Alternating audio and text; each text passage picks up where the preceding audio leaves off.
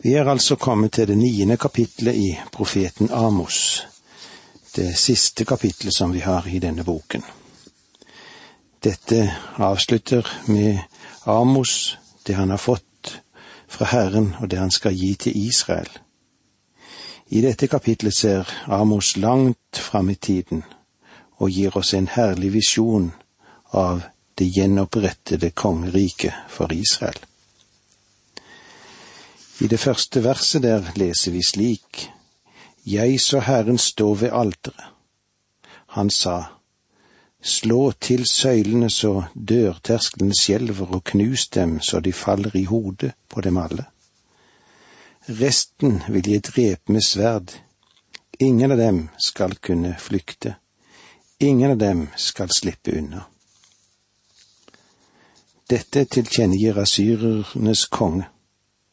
Vi må være klar over at alteret er ikke alteret i Salomos tempel i Jerusalem, men det er sannsynligvis alteret i Bals tempel i Samaria, dette. Det ligger nå i ruiner, det. Slå til søylehodene så dørtersklene skjelver, og knus dem så det faller i hodet på dem alle. Under beleiringen vil folket søke tilflukt i templene men templene, de vil bli ødelagt så raskt at mange mennesker vil være fanget i en felle når søylene bryter sammen. Ingen av dem skal kunne flykte, ingen av dem skal slippe unna.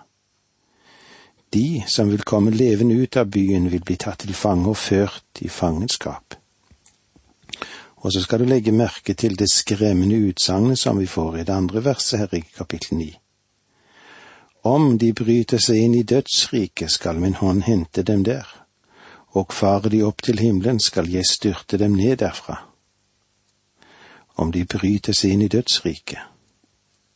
Ordet for dødsriket er det hebraiske ordet sjol, som betyr grav eller stedet der de døde er. Det er to ting som skremmer de vantro. I våre dager er mennesket hjernevasket av samfunnet så de forsøker å radere det ut av sitt sinn. Men om de i det hele tatt ofrer den tanke, det er noe annet. Så er det iallfall to ting som ryster under menneskers hjerte, og det er at Gud er til stede overalt. Og det må vi være klar over, han er ubestikkelig. Gud er overalt. Det vil si at en kan ikke stikke seg vekk noe sted. Selv døden kan ikke skille oss fra ham. At Gud er ubestikkelig, betyr at han aldri forandrer seg. Jesus Kristus, han er den samme i dag og i går, og det vil han være til evig tid. Disse to sannheter er en stor trøst for oss som er Guds barn, men de er skremmende for de som ikke tror. For et Guds barn er det at Gud er til stede overalt, en visshet om at Gud aldri vil forlate oss. Jesus sa det slik, eller det der er gjenfortalt i Hebreerbrevet 13,5. Jeg vil aldri slippe deg og ikke forlate deg. Det er vidunderlig. Han, han sa òg det. Den som kommer til meg vil jeg aldri støte bort. Når han tar imot deg, så er det med den hensikt å ta imot deg for alltid. Ingen kan rive deg ut av Hans hånd, og om du er i Hans hånd, så er du veldig nær ham. Du kan ikke komme nærmere, ikke sant? Den Herre Jesus, han sammenlignet vår fellesskap med ham som et vintre og grenene på dette vintreet. Hva er det som kan være nærmere vintreet enn grenene, da, som er podet inn i det? At Gud er til stede overalt, det er en stor trøst for den som tror. Men for den som ikke tror, må det at Gud er til stede overalt være urovekkende. Mange mennesker, ja altfor mange mennesker, tar sitt eget liv fordi de vil komme seg bort fra alt. Og ser vi nøkteren på det, så blir den som tar sitt eget liv, kvitt sine problemer. og en mengde ting som kan skremme eller forrage her. Men eh, hvordan er det med Gud? Vi blir aldri kvitt Gud.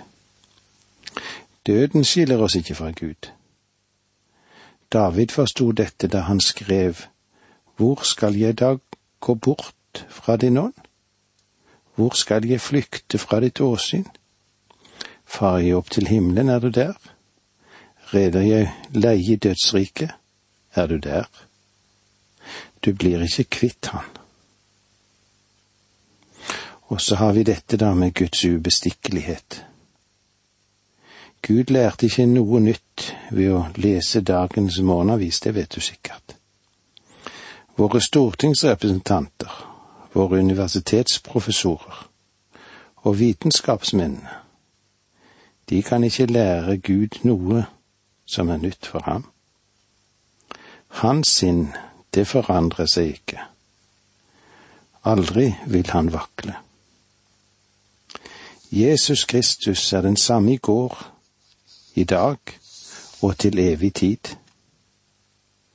Og det er en vidunderlig sannhet å vite for et Guds barn, dette. Den samme som vandret ved Galileasjøen, som var nådig og barmhjertig mot mennesker, er fremdeles den samme, og han vandrer sammen med den troende også i dag. Vers tre. Om de gjemmer seg på Karmels topp, skal jeg lete dem opp og hente dem ned. Og skjuler de seg på havets bunn for at jeg ikke skal se dem, byr jeg slangen å bite dem der. Om de gjemmer seg på Karmels topp, skal jeg lete dem opp og hente dem ned. Byen Heifa ligger på Karmel. Karmel er en skogkledd, og eh, der eh, kan vi vel si at det løfter seg ca. 600 meter over havet. Det er mulig du har vært der og har lagt merke til de hulene som finnes i fjellsidene. Det sies at det finnes mer enn tusen huler der, spesielt på den siden som vender ut mot havet. Men selv der sa Gud at han ville søke etter dem, og selv om de ville prøve å gjemme seg på havets bunn, så var det ikke skjult for Guds øyne. Ingen kan fly unna ham. Vers fire. Om fiender fører dem i fangenskap, skal jeg by sverdet og drepe dem der. Jeg vil rette øynene mot dem til ulykke og ikke til lykke. Om fiender fører dem i fangenskap, det vil si om de frivillig går i fangenskap for å spare livet sitt, så vil de ikke kunne fri dem fra Guds dom. De onde gjør vel i å frykte Gud og frykte for fremtiden. Her finnes ingen fluktmuligheter for dem. Selv ikke å ta sitt eget liv fører en bort fra det punkt jeg vil møte Gud uansett. Vers fem Herren Allers Gud rører jorden så den skjelver og alle som bor der sørger, ja, hele jorden stiger som Nilen og synker som elven i Egypt. Jeg tror neppe du kan dra gjennom Israel i dag uten å ane at dette ikke lenger er et land som flyter om melk og honning. Selv med alle de irrigasjonene og kultiveringen som finnes av jorden, så er det langt fra det. De siste virkninger av dommen ligger fremdeles over landet vers seks. Han som har bygd sin høysal i himmelen og reis sin hvelving over jorden, han som kaller på vann i havet og øser det ut over jorden, Herren er hans navn. Med disse vakre ordene minner Amos sitt folk om Guds allmakt. Det er ikke bare det at han er til stede overalt, men han har også all makt. Det som han gjør, det er alt det.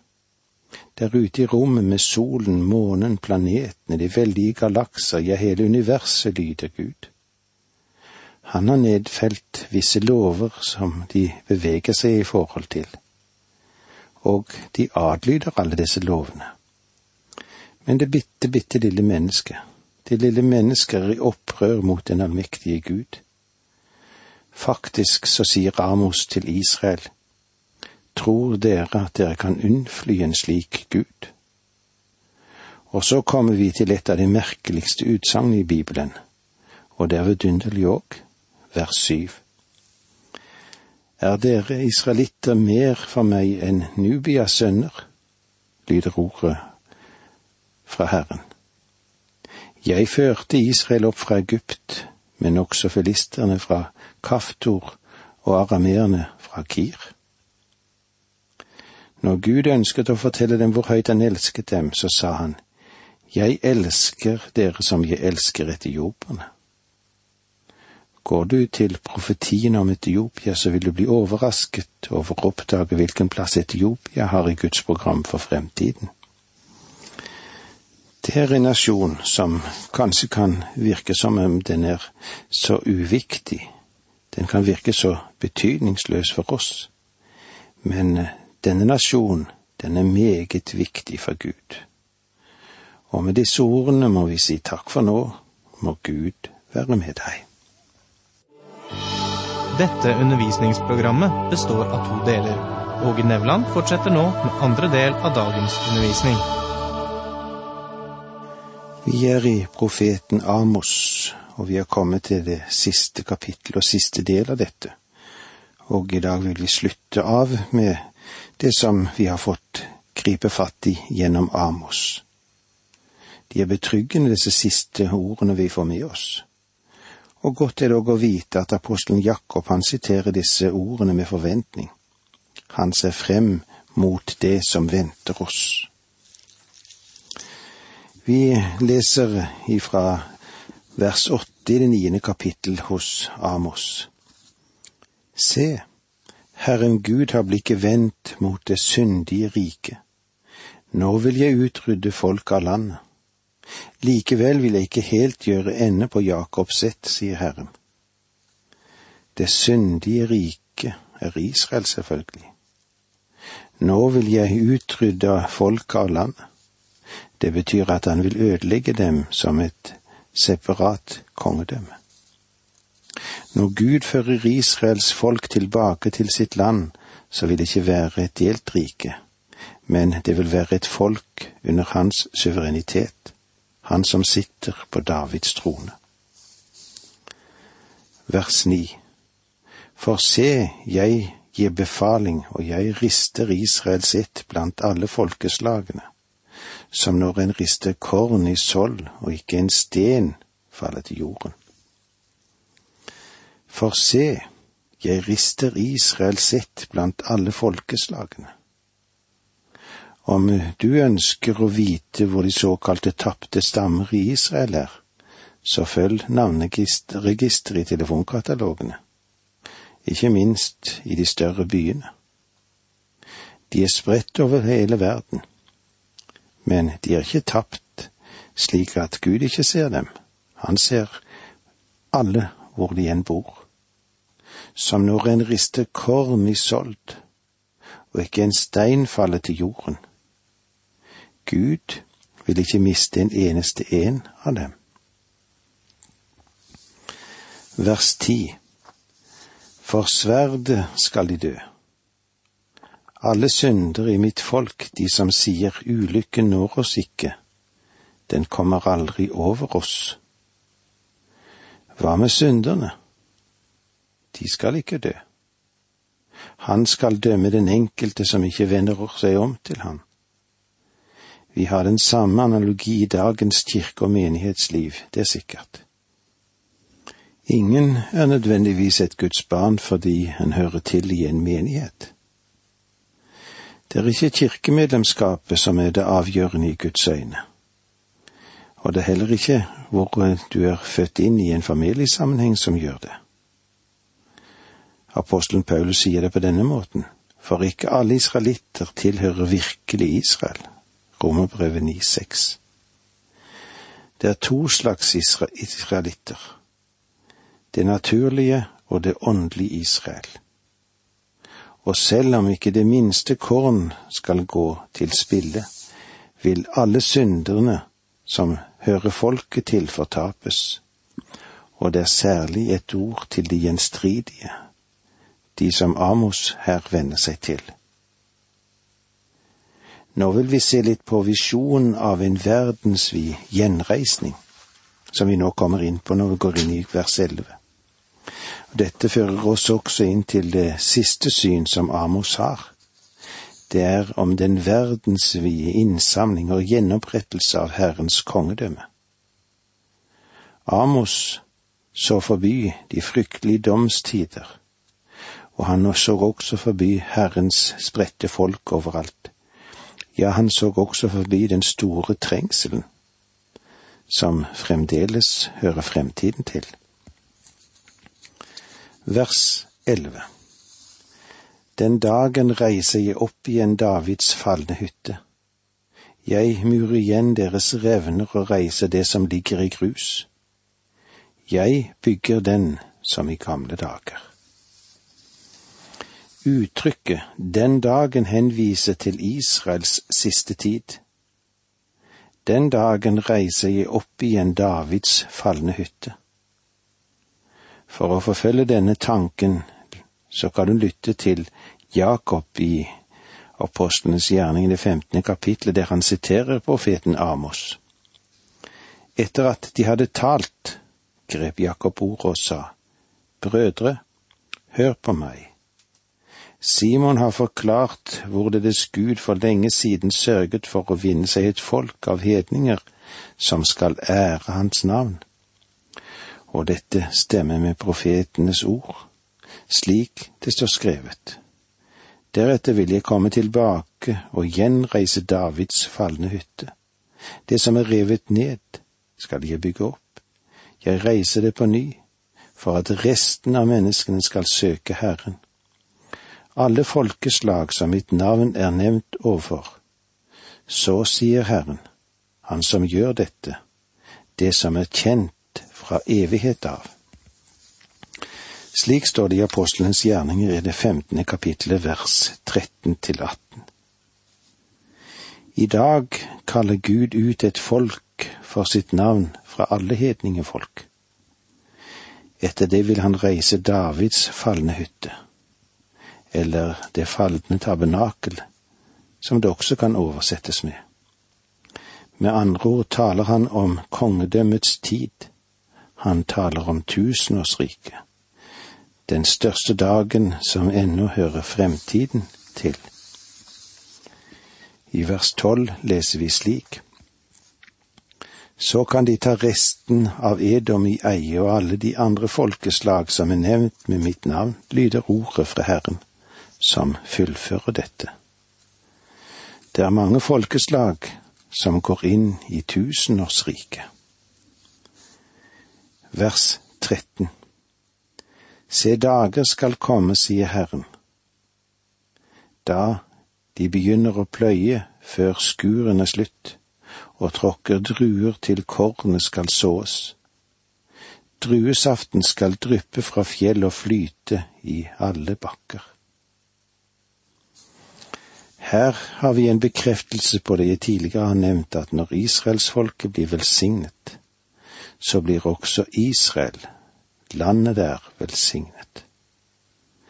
Folket og landet, de hører sammen og Gud gjør det klart at når han vender tilbake til Israels folk, til deres land, så skal det igjen bli et land som flyter med melk og honning.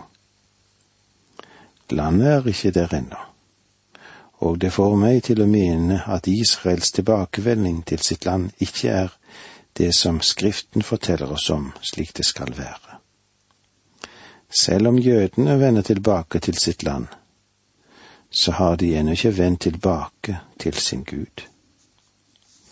Vers 14 Da vil jeg vende lagnaden for Israel, mitt folk. Byer som er, som er revet ned, skal de bygge opp og bo i. De skal plante vingård og selv få drikke vin, stelle til hager og selv spise frukten. Gud skal gjenopprette Israel det er Israel som skal bo i det gjenopprettede, restaurerte landet. Aldri mer skal det være sydrike Juda og nordrike Israel. Det skal være ett rike, et udelt kongedømme, slik som det var ved historiens begynnelse. Der skal alle tolv stammene være representert. De er spredt over hele verden i dag. De ble siktet blant alle folkeslag. Det er ikke noe bestemt folk som kan plukkes ut som de tapte stammer, som at det skulle være i England eller USA. Det er ikke skriftmessig troverdig. Profetiene understreker klart at det skal bli siktet blant alle folk. Se bare rundt deg. Har Gud gjort det, eller har han ikke gjort det? Men slik skal det ikke være for alltid. Gud skal føre dem tilbake til landet. Da vil jeg vende lagnaden for Israel, mitt folk. Byer som er revet ned, skal de bygge opp og bo i. Vers 15 Jeg plantet dem atter i egen jord, de skal ikke mer rykkes opp av sitt land, som jeg har gitt dem, sier Herren din Gud. Når Gud igjen kaller dem tilbake til landet, så skal det være slik at her skal de få lov å være alltid.